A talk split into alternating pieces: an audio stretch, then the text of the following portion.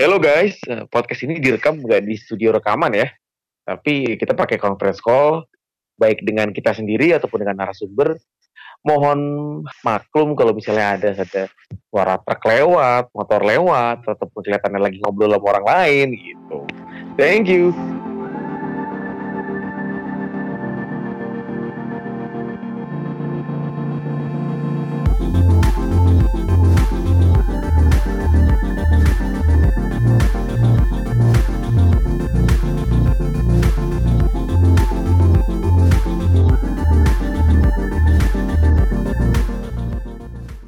Welcome back to Mr. Gawang Podcast. Nah, episode 22, 22 atau 23 ya, gue lupa. Uh, menyambut uh, Game Week 22, uh, kita hadir lagi untuk uh, meramaikan dunia perpodcastan, terutama khusus FPL. Karena di Indonesia masih jarang banget ya yang konsisten membahas soal, soal FPL. Uh, Kali ini masih ditemani gue Bayu, ada Kang Cis juga, ada Mbah juga. Bagaimana kabar FPL jadi di Game Week 21 kemarin sih? Mbah gimana Mbah kabarnya Mbah? Kabarnya biasa. Game Week kemarin biasa. minus 4. Uh, eh, masukin Fati juga ternyata nggak main. Nggak main. Uh, Vice Captain Harry Kane blank. Uh, mungkin sisi positifnya ya ngambil Fabianski sama Ilsa Fabianski sih. Clean lumayan lah poin kemarin 36 minus 4 berarti ke 2 ya warna merah ke 1,2 juta ya, semoga besok bisa naik lah amin iyalah tetap optimis lah kita PNFPL Nah ini comebacknya di 2020 juga lumayan bagus nih Kang Cis. Ya, gimana kabarnya Kang? Uh, game week 21 kemarin lumayan ya tembus 60 lagi 62. Hmm, kapten fail sih KDB ya. KDB dua poin doang. Ya sebenarnya kebantu ini sih Grilis, Madison, Ings. Ya itu lumayan lah sama double clean sheetnya Liverpool. Uh, uh, it's okay. Uh, untuk overall ranking sih akhirnya setelah sekian lama masuk top satu juta. bertahap, bertahap. Pelan -pelan. Jangan berhenti berharap pokoknya ya. Iya siap. Sekarang uh, ini berarti Mbah udah ngejemput ya. Makasih Mbah udah dijemput kita sama-sama ke atas nih ke tempatnya Bang Erik dulu baru ke Om Bayu. ya. Uh, Game Week 21 memang unik ya karena uh, euforia di Boxing Day masih berasa terutama buat Valdi dan uh, blanknya KDB ini berdampak cukup uh, tragis buat uh, papan atas karena papan atas banyak poinnya yang agak goyang karena Iya, mayoritas papan atas tuh nggak nggak banyak yang punya medicine, nggak banyak yang punya grilis gitu. Tapi eh, untuk gue sendiri masih bisa terselamatkan karena duo Mane dan Salah. Kan kalau misalnya duo Mane dan Salah nggak nggak nyekor eh, dengan KDB gue nggak nyekor juga, wah hancur poin gue. gue dapat 40 eh, nggak minus kali ini. Kapten Blank, eh, Martial yang di eh, obrak abrik Arsenal. Aduh, oleh para oleh. Eh, di game week 22 ini eh, cukup menarik. Eh, tiga hari juga, hari Sabtu tanggal 11 Januari, Minggu 12 Januari, dan Senin 13 Januari. Cuman Senin, eh, Senin ini dini hari, kita bakal ketemu banyak pertandingan menarik. Antara lain, eh, satu hal yang, yang mau kita bahas ya. Yang pertama, duo Manchester. Sekarang eh, Martial dan Rashford. Martial ini sekarang udah fit kemarin lawan City dia sempat main walaupun menit 70 atau 80-an. Uh, seberapa potensial Martial Rashford yang ketemu Norwich di Old Trafford nih? Walaupun kemarin mereka baru kalah, uh, gua rasa mereka bakal main nyerang habis-habisan ya di uh, ngelawan Norwich. Buat Mbah deh, Mbah yang punya uh, Martial sama Norwich gimana menurut lo, Mbah? Uh, menurut saya sih cukup potensi ya karena ya MU lawan Norwich harusnya MU menguasai pertandingan bisa cetak gol Cuman ya kita tahu sendiri MU setiap lawan tim-tim yang kelasnya di bawah seharusnya bisa menang tapi malah kesusahan. Nah ini besok mungkin ujian sih sebenarnya buat uh, eh, MU ya. Terutama dari sisi FPL mungkin Rashford salah satu opsi kapten sih kalau menurut saya. Uh, menarik sih pertandingan ini. Harusnya MU bisa menang lah ya setelah kemarin lawan Arsenal kalah gitu. Gitu sih Om. Hmm. Uh, buat Kang Kis, lu minat gak sih Kang mendatangi salah satu lah kalau misalnya dua berat salah satu pemain Kalau lu kan udah punya Rashford, lu bakal Ya. datengin Martial nggak nih buat buat sekarang? Ya terlalu berlebihan sih kalau untuk sampai datengin Martial. Maksudnya baru transfer Martial sekarang kan. Mm-mm. Eh, sebenarnya potensi sih Eh, untuk di game week 22 ini match yang paling enak sih ya ini MU lawan Norwich ngejamu Norwich di Old Trafford ya kita kalau MU lagi bagus sih Rashford sama Martial tuh emang ladang poin sih karena emang golnya biasanya ya kalau nggak Rashford Martial tapi kalau untuk transfer in dengan performanya yang masih belum stabil sih kayaknya cukup satu deh ya kecuali emang udah punya dua kayak Mbah sih ya ya udah tahan aja deh. Tapi kalau emang udah punya satu mah satu dulu cukup. Ini juga Rashford kayaknya kalau emang besok nggak ngapa-ngapain sih bakal calon dijual sih ini. Besok juga lawan Liverpool kan habis ini Ya, agak sulit. ya. Selesai ngomongin MU, kita sekarang ngomongin Fardi. Fardi udah kelihatan latihan dan nggak tahu nih di Piala Liga dia bakal main apa enggak. Tapi memang prediksinya cukup banyak yang bakal mengkaptenkan Fardi. Ini di antara kita udah punya Fardi semua atau Mbah belum berarti ya? Udah punya kan kemarin transfer Bang. eh, ganti Oh iya bar- bar- bar- baru ada ya Mbak ya lo ya? Hmm. Gue yang Nah. belum ada nih. Oh iya lo Kang. Eh gue nanya Mbak deh. Mbah, eh, seberapa seberapa yakin lo buat kaptenin Fardi besok lawan Southampton? Atau lo punya opsi kapten lain yang memang udah ada selain Fardi ini? Eh, mungkin kalau misalnya memang Fardi fit ya, ya rata-rata pasti kapten Fardi ya selama kepemilikannya juga sekarang meskipun agak turun dikit cuman ya masih tinggi sangat tinggi Eh, menarik sih untuk yang apa ya seakan-akan ingin main tanda kutip aman mungkin kapten Fardi menarik selain memang kapten eh, pemain MU ya tadi ya menarik sih om kalau memangnya Fardi udah fit udah latihan terus ya katakanlah biar besok di Piala Liga nggak main tapi duduk di bench juga itu membuktikan bahwa Fardi seharusnya fit ya eh, untuk bisa main lawan Soton besok. Oke oke. oke, Apalagi oke. dia baru punya anak ya. Katanya mau nunggu selebrasi. ya itu. Kemarin ternyata dia dia ma- masih masih belum main kan malah gak ada di bench gitu. Cukup mengecewakan cuman ya ya udahlah gitu. Mau gimana? Masih masih era Boxing Day. Di pekan ini juga kita masih ketemu sama big match eh, Spurs lawan Liverpool. Eh, ini bakal berat tapi eh, cukup banyak yang prediksi eh, Spurs ini bakal main ngotot karena karena nggak ada Kane katanya. Jadi mereka bisa main counter attack dan di sini yang jadi eh, pusat perhatian kita semua itu ya kembalinya Son Heung-min nih. Eh, menurut kalian, ini gue tanya dua-duanya aja deh. Menurut kalian eh, seberapa potensial Son Heung-min buat eh, kita masukin? Mungkin buat orang yang bosan sama KDB ataupun orang yang mau coba ganti-ganti Martial eh ganti-ganti Mane atau Salah nih misalnya ya buat masukin Son karena kita tahu sekarang Son pasti bakal jadi penyerang utamanya Spurs di saat Ken absen 6 sampai 7 minggu. Menurut lo gimana Kang mengenai Son Heung-min? Wah, Son ya. Eh, kemungkinan yang ditaruh depan Son sih.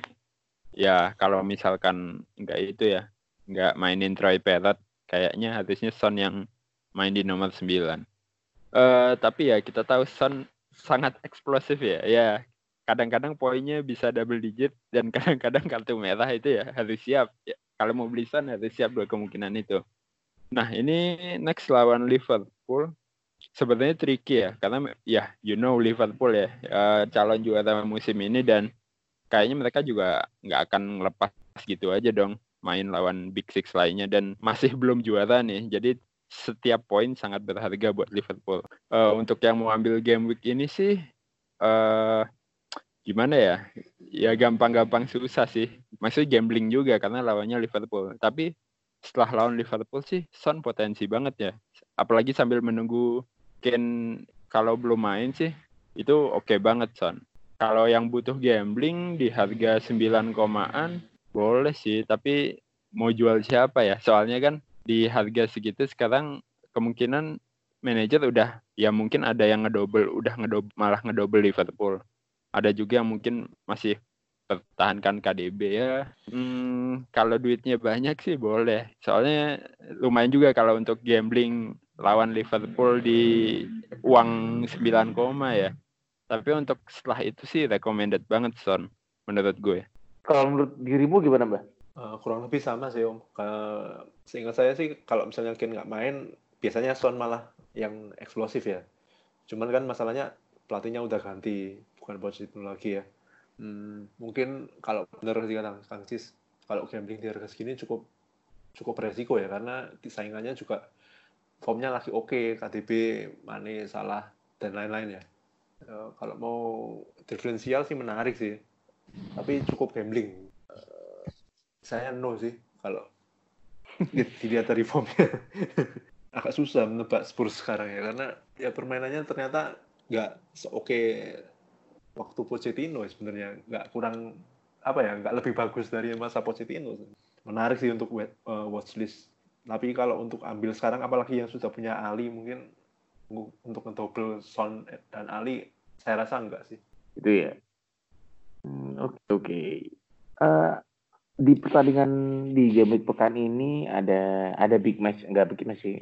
Untuk big six-nya ada Crystal Palace ketemu Arsenal di kandang Palace uh, mungkin Arsenal bisa inkonsisten lagi karena Palace di kandang sendiri cukup alot walaupun beberapa kali mereka juga tergelincir uh, Lundstram ini buat yang diferensial potensial nggak buat kaptenin Lundstram di game week uh, dua-dua ini karena mereka uh, main di kandang ketemu si, uh, West Ham United.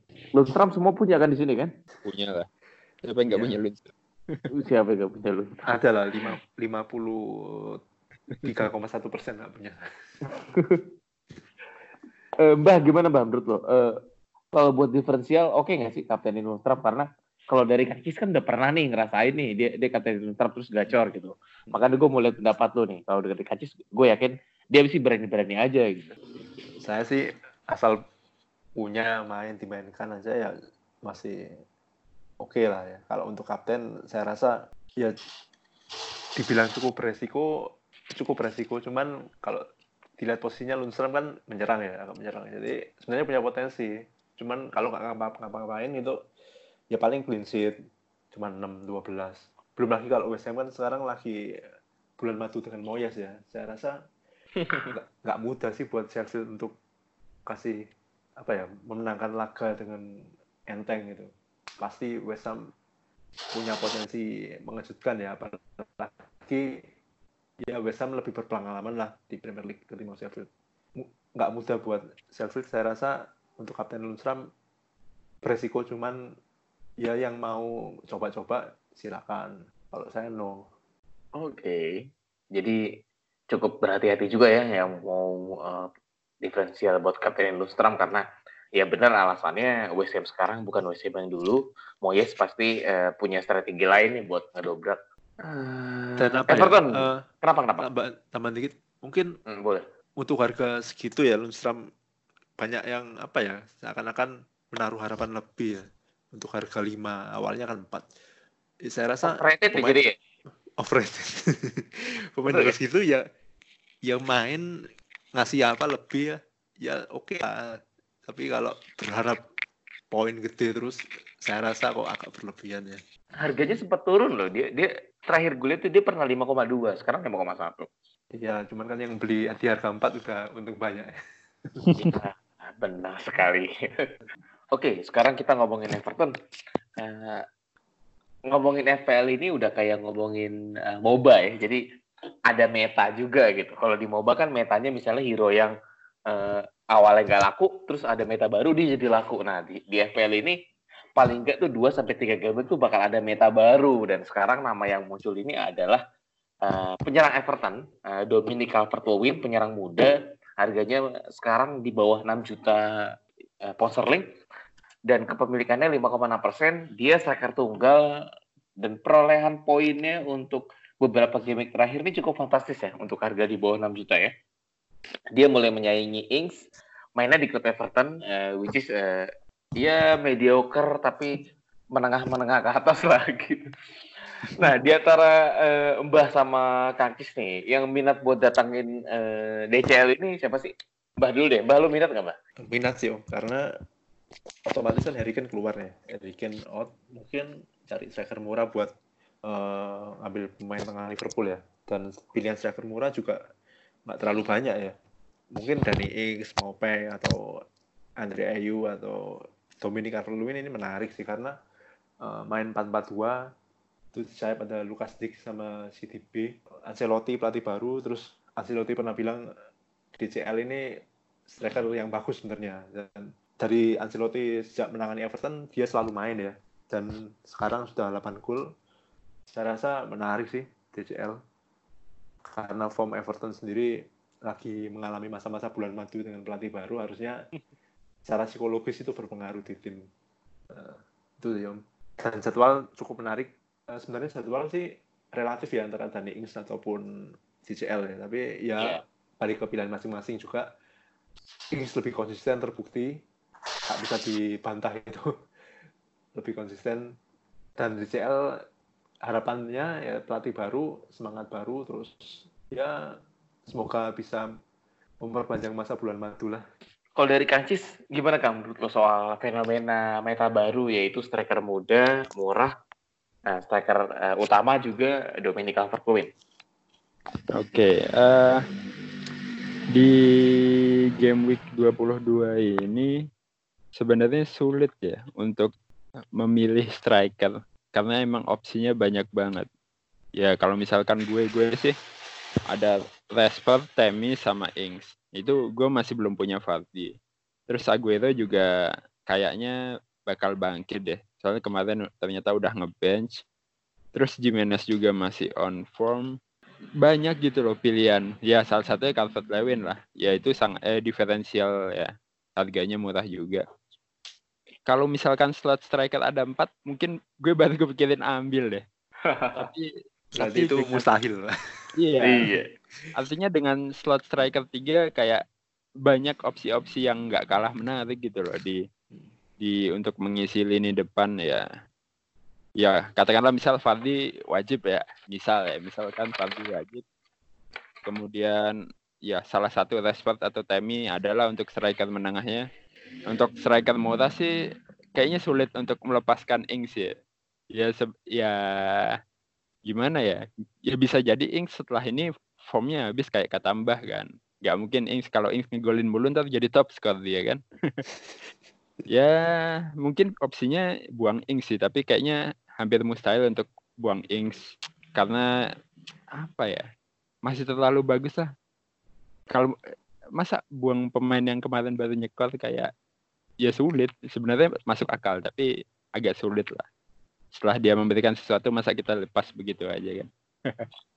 Ya kalau kalau gue sih dengan kondisi striker FPL yang kayak kayak gini sih kayaknya belum dulu deh. Mungkin Kasut Lewin cocok untuk benar-benar untuk manajer yang emang butuh diferensial ya. Ini oke okay banget sih di harga 5,9 jadwal Everton pun 4 game week ke depan tuh enak. Dan formasi barunya Ancelotti kayaknya ya bisa dibilang cocok lah sama Kasut Lewin. Beda sama sebelumnya ya sebelumnya mungkin lebih ke Richard Listen atau Sigi Kasut Lewin juga mungkin masih sering kena rotasi tapi kayaknya di Ancelotti ini kemungkinan striker utama sih Kasut Lewin. Kita lihat aja nih apakah Kasut Lewin bisa menyaingi Danny Ings untuk striker murah? We'll see. Oke. Okay.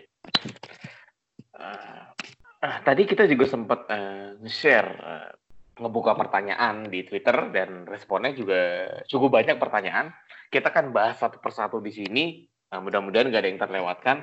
Nanti eh, gue akan assign ke masing-masing dari Mbah atau Kang Cis buat ngejawab. Hmm. Pertanyaan pertama dari Ed Bayu Bejo 33. Worth it gak sih pakai defense Spurs? Kang Cis, Kang, menurut lo worth it nggak pakai defense Spurs? Oke, okay, kalau ngomongin defense Spurs sih, kita lihat dulu opsinya siapa. Kemungkinan yang ditargetnya Audrier ya. Audrier, Audrier. Audrier. Nah, Audrey itu di harga 5,1 mungkin menurut gue saingannya cuma Lundstram sama Soyuncu ya. Yap. Selain selain dari itu kayaknya ya emang ya top 3 untuk back harga 5,1 5,2 ya mungkin mereka bertiga ya. Jadi kalau ngomongin worth sih untuk harga segitu worth sih. Kalau memang kalian punya slot back untuk harga 5,1 Audrey cukup worth karena ya Audrey emang ya jangan berharap clean sheet-nya sih, tapi emang untuk attack-nya cukup oke. Okay. Gitu deh. Jadi worth aja untuk harga segitu. Hmm. Uh, eh, gue akan masih nanya uh, sama wait sama Kang Cis nih. Gue nih. Eh, pertanyaan kedua buat Kang Cis dari Ed Indra Pep. Lo kan punya dua-duanya nih Kang, baik Jack Grealish dan James Madison, bener gak? Iya, Kalau dia disuruh milih, lo pilih siapa salah satu di antara mereka? Kenapa? aduh. Gimana ya? Beda harga sih. Iya. Iya, karena ya istilahnya ada harga ada poin. Kalau misalkan anggaplah harganya sama ya jelas gue pilih Madison lah. Madison memang istilahnya support supportnya Leicester Vardy. banget. Jadi, ya Hmm. jadi mungkin ketika Vardy nggak ngapa-ngapain atau mungkin Vardy ngegolin bisa jadi asisnya dari dia. Dan di- Madison juga sering ngesut dari luar kotak penalti kan. Bola mati juga Madison ya why not lah. Ya Grealish sebenarnya oke, cuman ini permasalahan kekuatan tim sih. Kayaknya lebih, jauh lebih kuat Leicester dibanding Aston Villa itu aja sih. Iya. Apalagi sekarang Villa kan udah nggak ada Wesley kan, tapi katanya rumor yang beredar Villa tuh ngincer strikernya Milan, Christoph Piatek. Itu bagus men, Eh, striker mediocre. Jadi jawabannya Madison ya Kang? Ya, Madison. Oke. Ini sekarang gue nanyanya sama Mbah nih. Sudah udah udah jawab banyak. Eh, pertanyaan selanjutnya dari @fpl underscore Vivafu. Ini yang bikin table bingo itu ya. Iya. Susah banget table ya anjir. gue nggak ada yang lima. Eh, mbak, oke Mbak. Kapan wildcard eh, sebaiknya digunakan? Dan apakah harus nunggu eh, blank game week atau double game week? Atau lo kalau misalnya butuh langsung sekarang aja? Monggo Mbak. Eh, kalau menurut saya sih mungkin kita setuju ya nggak ada waktu yang benar-benar pasti sih benar-benar tepat Yap. kapan kita pakai wildcard kedua ya karena masing-masing manajer juga punya pertimbangan masing-masing taktik masing-masing mungkin yang sekarang ranknya jutaan terus pingin wah aku harus nguber secepatnya buat ke atas ya nggak salah sih nggak salah kalau pakai wildcard sekarang untuk ngejar cuman nggak salah juga ketika manajer eh, menahan wildcardnya untuk dipakai ketika menyambut eh, double game week ataupun blank game week ke depan. Sebenarnya nggak ada yang salah, tergantung masing-masing taktik manajer. Eh, pertanyaan selanjutnya masih dari FLP Pavu. Gimana biar dari overall rank 1 juta nembus ke 100 ribu? Ini kalau misalnya mau main eh, gila-gilaan, eh, kalau dari Mbah nih Mbah sendiri, lu bakal ngapain sih Mbah? Biar poin lu bisa dongkrak parah nih. Jawabannya, eh, pertanyaannya gimana caranya eh, tembus satu juta, satu juta ke seratus ribu? Ya caranya Iya. ya, po- poinnya 100 terus. Cuman caranya ya apa ya? Ini Mbah, mainin semua chip bisa. Cuman abis itu selesai lo di pada saat manajer lain mainin chipnya, chipnya dia, lu poin lu bakal turun lagi gitu ya. Ya mainin chip, tapi kalau misalnya feelingnya lagi nggak pas juga percuma. iya, iya. Iya. Ya, ya? Susah. Sebenarnya Mungkin main, Kang main differential oke ya, main differential oke, terus jangan sampai salah pilih kapten, ya. Iya sih, mungkin ya jawabannya seperti itu ya. Jangan pilih kapten, terus eh, pemainnya main semua, ya poinnya lebih. ya kayak gitu-gitu kayaknya. Ya mungkin apa ya, mungkin eh, kalau merasa kan posisi ranknya satu jutaan, ingin ngejar seratus ribu berarti pemain diferensialnya eh, diferensialnya harus oke sih. Eh, diferensial oke, pemain mayoritasnya juga harus oke ya. Ketika pemain mayoritas kita lagi down, tiba-tiba diferensial kita meledak, ya itu mendongkrak ranking sih seharusnya. Jadi perpaduan komposisi pemain harus saling mendukung lah ya. Oke. Eh, buat Kang Cis nih dari Ed Kependem Tresno. Ozil menarik gak sih? Iya, karena Waduh. kita tahu eh, buat game week 22 terutama ya.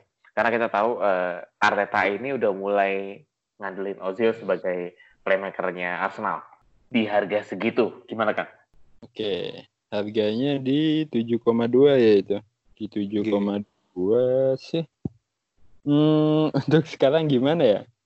Belum ada kalau ngomongin data atau form sih kayaknya belum kelihatan ya. Oke lah, a- pelatih baru cuman hmm, belum sih. Masih di harga segitu da- daripada gambling mending banyak pilihan yang pasti-pasti aja ya. Mungkin sebut beberapa nama kayak Grealish, Willian, ada kalau mau double game week ada entah Antonio atau Felipe Anderson ada Traore juga yang lagi naik. Itu gue lebih milih nama-nama itu sih dibanding Ozil. Untuk ya untuk jangka panjang dan apalagi untuk game week ini ya. Untuk game week ini sih hmm, belum sih. Nggak tahu kalau Mbah atau Om Bayu punya pendapat lain ya. Tapi kalau gue pribadi sih beneran belum lihat pemain Arsenal lagi sih sekarang Om Bayu mungkin mau ngasih hmm, Ozil ya ya karena gue orang awam terus eh, nggak uh, terlalu ngikutin Arsenal pasti patokan gue kan statistik ya yeah. statistik musim ini uh, bisa dibilang ya biasa banget ya, biasa banget ya. Untuk sekelas nama Ozil, poinnya baru 30, poinnya baru 30, asisnya baru 2. Eh, ya walaupun dia eh, di awal musim tuh banyak banget gak main, tapi sekarang udah mulai konsisten, tapi ya eh, penyerangan Arsenal juga nggak bagus-bagus banget kan ya gitu. Jarang gitu nyetak sekali misalnya 5-0 atau 4-0 gitu menang secara meyakinkan kan belum pernah nih Arsenal gitu kemarin juga ya mereka baru menang lawan MU. MU ya tahu sendiri lah performa MU kayak kayak gimana gitu. Uh, jadi uh, kalau buat Gozil belum lah ya. Bener kata Kang Cis, masih banyak pemain-pemain yang cukup potensial di uh, tim lain. Jadi ya sebisa mungkin kalau misalnya emang uh, uh, enggak yakin-yakin banget ya ditahan dulu lah egonya gitu. Ozil memang bagus tapi uh, momentumnya mungkin belum sekarang. Ya kita lihat uh, beberapa pertandingan ke depan lah gitu. Kan setelah lawan Chelsea nanti di game week 24 uh, eh, jadwalnya cukup enak nih ketemu Burnley, Newcastle, Everton gitu. Ya mungkin bisa dipertimbangkan untuk Ozil. Uh, lanjut ke pertanyaan selanjutnya. Pemain uh, dari Ed Ajajingan. Pemain mana yang cocok buat di double game week 24? Oke, okay, Bah, come on karena lu udah lu udah datangin Fabianski mungkin lu punya strategi-strategi lain bah untuk menyambut double game week 24 kita ya menarik ya game uh, double game week 24 uh, eh, kapan lalu tuh kan di Twitter uh, ada apa ya yang ngasih opini lah soal siapa pemain Liverpool yang cocok untuk double 24 ya? Oh iya. Yeah. ada yang dua pemain mid terus satu belakang ada yang dua belakang satu mid. Sebenarnya nggak ada yang salah sih. Kalau menurut saya cara alasan juga masuk akal semua. Balik lagi ke komposisi tim sih kalau saya. Iya yeah, benar. Balik lagi komposisi uh, komposisi tim. Kalau saya pribadi lebih condong ke dua pemain tengah. Salah mana ya siapa lagi? Mas Anderson kan nggak mungkin. Salah Mane dengan satu pemain belakang sih dari Liverpool. Tapi untuk West Ham mungkin mungkin paling aman kalau menurut saya kipernya ya Fabianski. Karena West Ham ya meskipun dia sedang bulan madu dengan Moyes ya kita nggak bisa memungkiri bahwa West Ham tetaplah West Ham gitu. Lawannya di double game 24 juga nggak nggak gampang. Dan saya punya Fabianski pun nggak berharap dia game 24 itu clean sheet semua kan. Ya estimasi lah banyak. Dia game pertama pertandingan pertama dua poin ya pertandingan kedua tiga poin lah. Ya lima lumayan kan? Itu sih benar-benar oke. Okay. menarik. Uh, berarti cukup cukup banyak pemain yang cukup potensial ya untuk uh, menyambut game week 24 ini gitu. Dan balik lagi disesuaikan dengan kebutuhan tim karena kita nggak akan bisa punya semua kan. Kalau hmm. punya semua juga uh, kalau misalnya mau pakai wildcard ya monggo tapi abis itu kan lo pasti bakal merubah tim lo lagi gitu.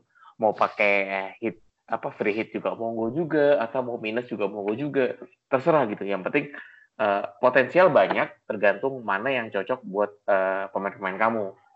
Nah, namanya tadi udah disebutin Mbah. Kalau misalnya kurang jelas, mention aja Twitternya Mbah EPL. eh, untuk pertanyaan selanjutnya ini mirip-mirip uh, ada dari One Stop FPL dan Ed Setiawan Arif. Intinya pokoknya uh, buat mempersiapkan game week, eh, double game week 24 uh, persiapan sejak dini atau kita bisa bilang persiapan dari sekarang untuk uh, game week 22 ini uh, oke okay nggak sih?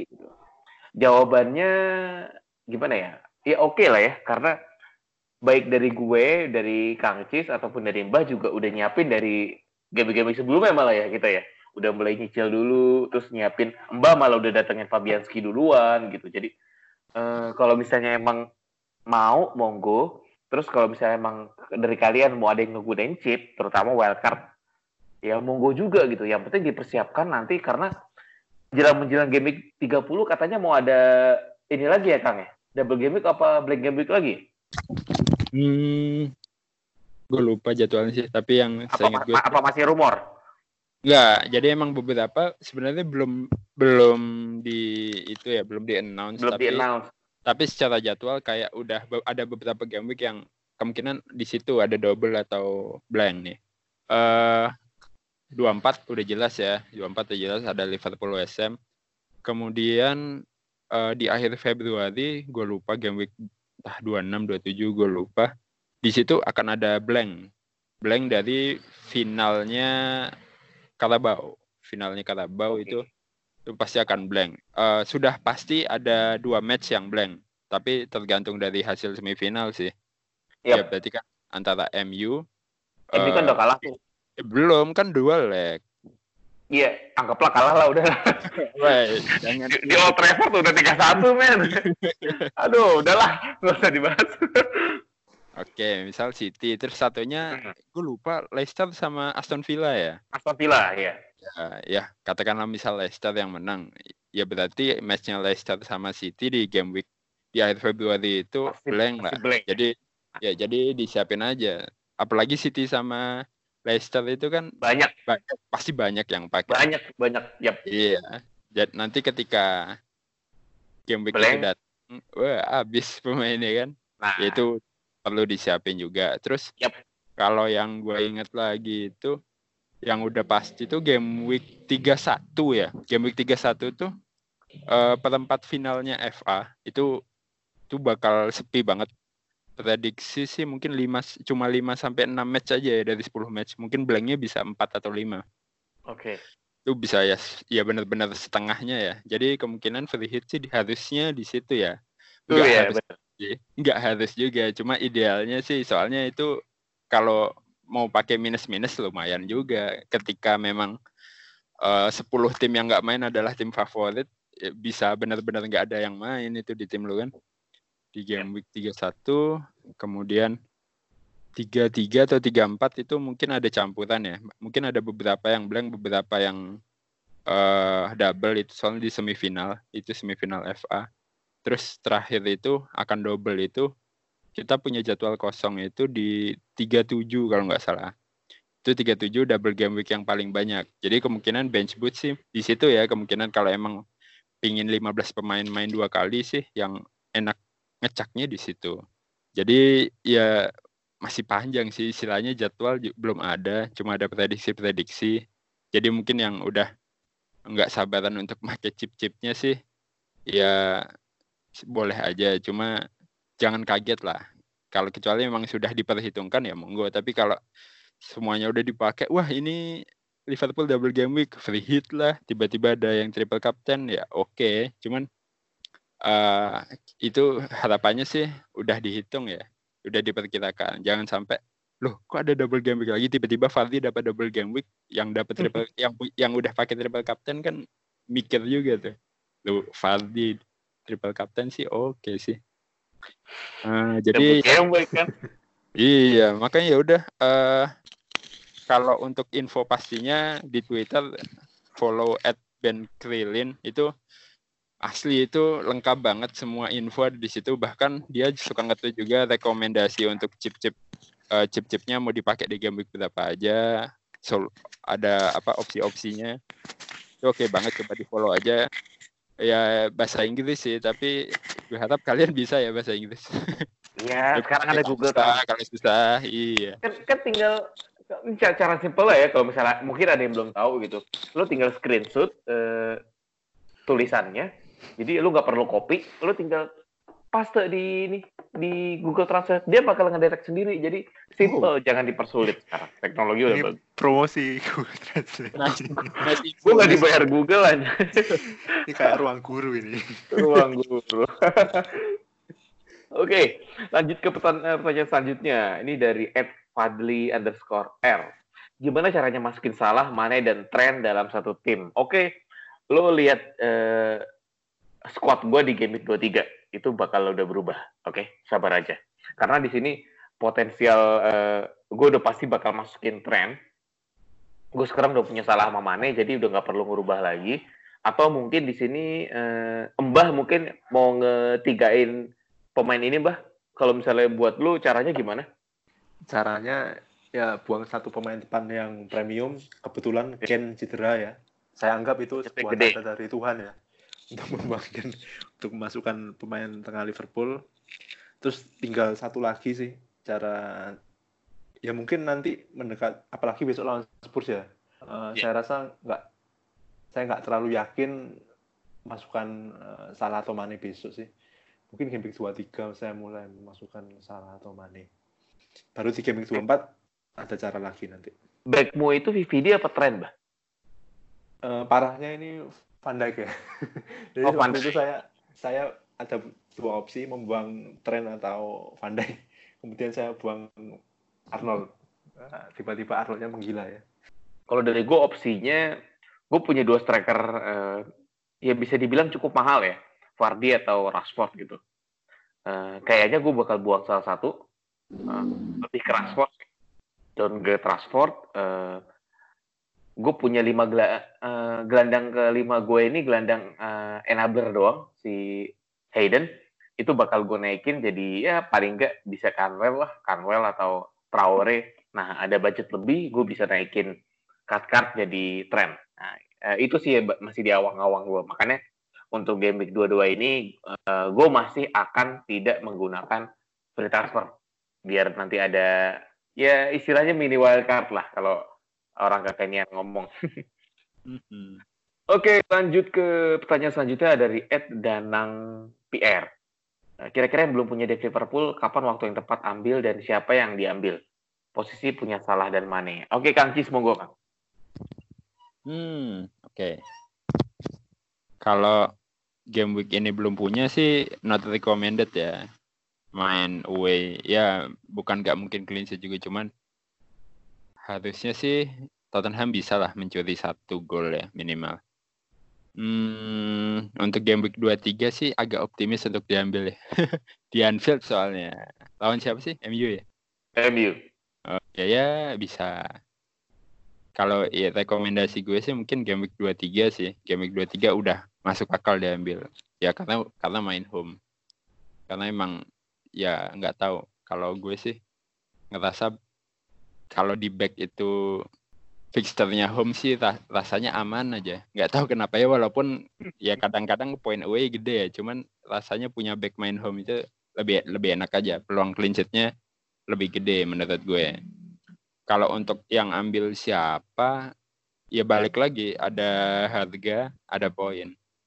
Soalnya kan ini bedanya lumayan ya, tujuh setengah, tujuh sama 6,4. Jadi emang disesuaikan budgetnya aja. Ketika lo emang mampu ambil Arnold sih itu worth di harga 7,5. Tapi kalau emang mau efisien aja, berharap clean sheet-nya aja, dan sesekali ada goal trade, eh, Van Dijk oke sih di harga 6,4 itu value-nya paling baik. Jadi mungkin sisa uangnya bisa untuk ke lini yang lain. Hmm, Oke, thank you, Kang. Pertanyaan singkat dari Ed Elgio Ivan. Watford lagi naik performanya sejak pelatih baru lagi. Kira-kira Foster oke nggak buat gantiin Pope yang fixturnya merah-merah semua? Oke. Lanjut eh, dari Ed Sepi Hikmat ya, Sep Hikmat. Tolong yakin saya untuk kaptenkan dia. Aguero. Per- eh, jawaban singkat. Kalau lo punya Aguero, terus eh, besok jadwalnya oke, besok ketemu Aston Villa, dan kalau misalnya lo yakin buat kaptenin dia, yakin kaptenin aja gitu. Tapi kalau misalnya lo punya Vardy atau lo punya siapa lagi yang optional buat kapten, lo mending eh, pantau Twitter aja deh gitu. Kalau kalau nggak yakin-yakin banget sebenarnya Aguero karena nggak main di kandang nih main away. Jadi eh, kalau buat gua agak worry-worry dikit. Tapi kalau buat lo gimana, Mbak? Aguero. Aguero sebenarnya kalau dia pasti main sih dan saya punya Aguero mungkin saya kapten sih Aguero. Apalagi Villa sekarang Pemiton Pemiton juga nggak bisa main jadi ya kipernya lemah lah ya istilahnya tanda kutip kalau saya punya Aguero dan saya tahu dia pasti main saya akan kapten Aguero Oke, menarik. Eh, dari FPL kita kita, apakah Aguero sudah cukup on main pada game begini? Karena kemarin Doi nggak main lawan, nggak main ya deh, nggak main lawan MU, Enggak. Nah, nggak main. Jadi ya kemungkinan harusnya main ya karena si Pep nih nggak mungkin uh, menyerah begitu aja untuk mengejar Liga Inggris walaupun ya agak sedikit mustahil. Lanjut dari pertanyaan dari Ed Fantasi PL Talk. Jimenez or Ings? Come on, Kang. Jimenez or Ings? Untuk game week ini Jimenez sih. Fixturnya jauh lebih enak Jimenez game week ini. Tapi untuk long term sih, uh, di harga yang lebih murah, masih Ings sih untuk sampai akhir musim. Ya soalnya ya itu tadi, tadi udah dibahas. Belum ngelihat titik of formnya dari Danny Ings. Kayaknya mungkin dalam dalam dua atau tiga match kayaknya tetap satu gol sih. Tetap akan konsisten satu gol si Danny Ings ini. Tapi untuk game week ini Jimenez. Lebih ah lawan siapa sih? Kayaknya gampang seinget gue. Si Wolves okay. ini. Newcastle. Newcastle ya home. Ya ya jelas Jimenez uh, pertanyaan terakhir dari Ed Ken Theobald 98 pilih Richarlison ganti Zaha atau Joe Gomez ganti Aurier? Bah. Uh, ya Richarlison ganti Zaha lah kayaknya. Di atas kertas lebih menarik ya. Udah gitu doang ya pokoknya. Iya lah. Karena menyerang pokoknya ya. Ngapain ganti back gitu. Kebobolan ya, udah selesai. Kalau kita lihat Joe Gomez menggantikan Aurier ya ya buat ya maksud saya ya nggak clean sheet juga apa ya ya resi ya susah sih ngomongnya gimana. Sih ya lebih potensi menghasilkan poin yang besar di posisi gelandang sih kalau menurut saya. Oke semua pertanyaan udah kita bahas. Terima kasih buat uh, para pendengar FPL yang uh, udah menyempetin buat uh, mendengarkan FPL uh, podcast ini dan uh, koresponden yang udah menanya buat uh, kita bahas di sini juga.